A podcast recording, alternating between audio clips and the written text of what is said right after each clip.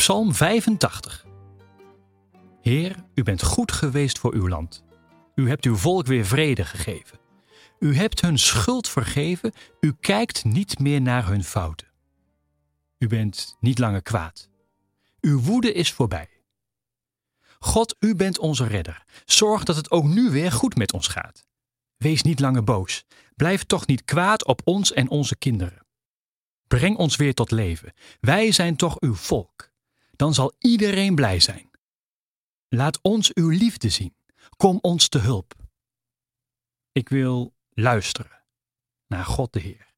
Ik wil luisteren naar Zijn woorden. Want God belooft vrede aan Zijn volk, aan de mensen die Hem trouw zijn. Laten zij Hem niet opnieuw vergeten. De Heer helpt de mensen die Hem dienen. Hij zal in Israël laten zien hoe machtig Hij is. Want de Heer heeft Zijn volk lief. Hij blijft trouw. Hij zorgt dat alles goed is. Hij brengt vrede. Dan zal iedereen trouw zijn aan de Heer en hij zal zorgen voor recht. De Heer geeft ons geluk en vrede. Hij geeft het land een grote oogst. De Heer is overal waar mensen goed en eerlijk leven. Zij maken de weg voor hem vrij.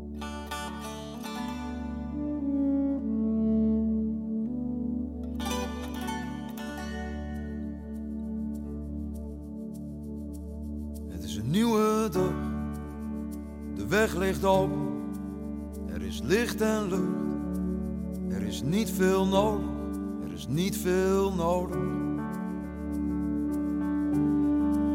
Het is een oud verhaal, het wordt opnieuw geschreven, het is onbepaald. Voor wie zich durft te geven, wie zich durft te geven. Het is een nieuw begin, het is een open eind. En dat wat was, zal in wat komt verdwijnen. Het moet, het zal verdwijnen. Ik stel me zo voor dat er onrust en oorlog was in het land Israël. Nu is alles voorbij, de wederopbouw is begonnen. Maar er is nog heel veel te doen en het gaat moeizaam. Een nieuwe generatie is opgestaan om de handen uit de mouwen te steken, maar het geploeter lijkt nog weinig op te leveren. Misschien had die oorlog te maken met de ontrouw van de vorige generatie van Israël, als een straf van God. Maar die tijd is nu voorbij. De psalmist vraagt zich af of God nu niet een duwtje de goede richting kan geven. Breng ons weer tot leven. Zelf ben ik niet van de wederopbouwgeneratie na de Tweede Wereldoorlog. Ik ben daar weer een kind van en ik sta op hun schouders. Jij? Waar zit jij in de generaties? Ben je een kind? Of een kind van een kind? Of misschien derde generatie na de opbouw?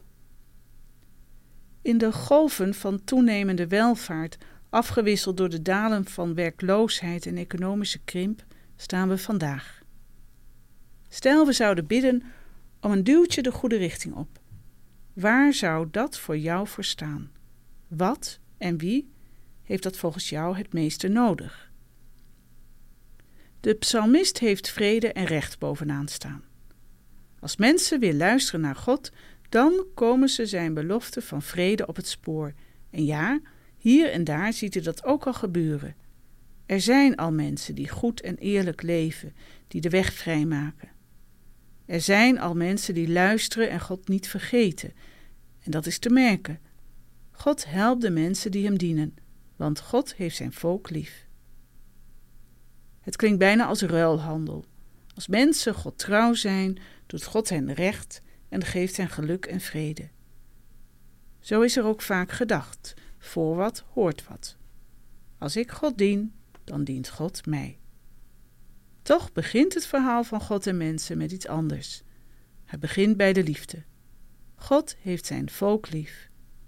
Deze liefde van God is veel groter, ruimer en liefdevoller dan voor wat hoort wat, dan de ruilhandel tussen een zegening voor een goede daad. En wie van deze liefde geproefd heeft, wil ook graag luisteren naar wat God te zeggen heeft. Wie van deze liefde geproefd heeft, wil ook graag de weg vrijmaken om geluk en vrede ruim baan te geven.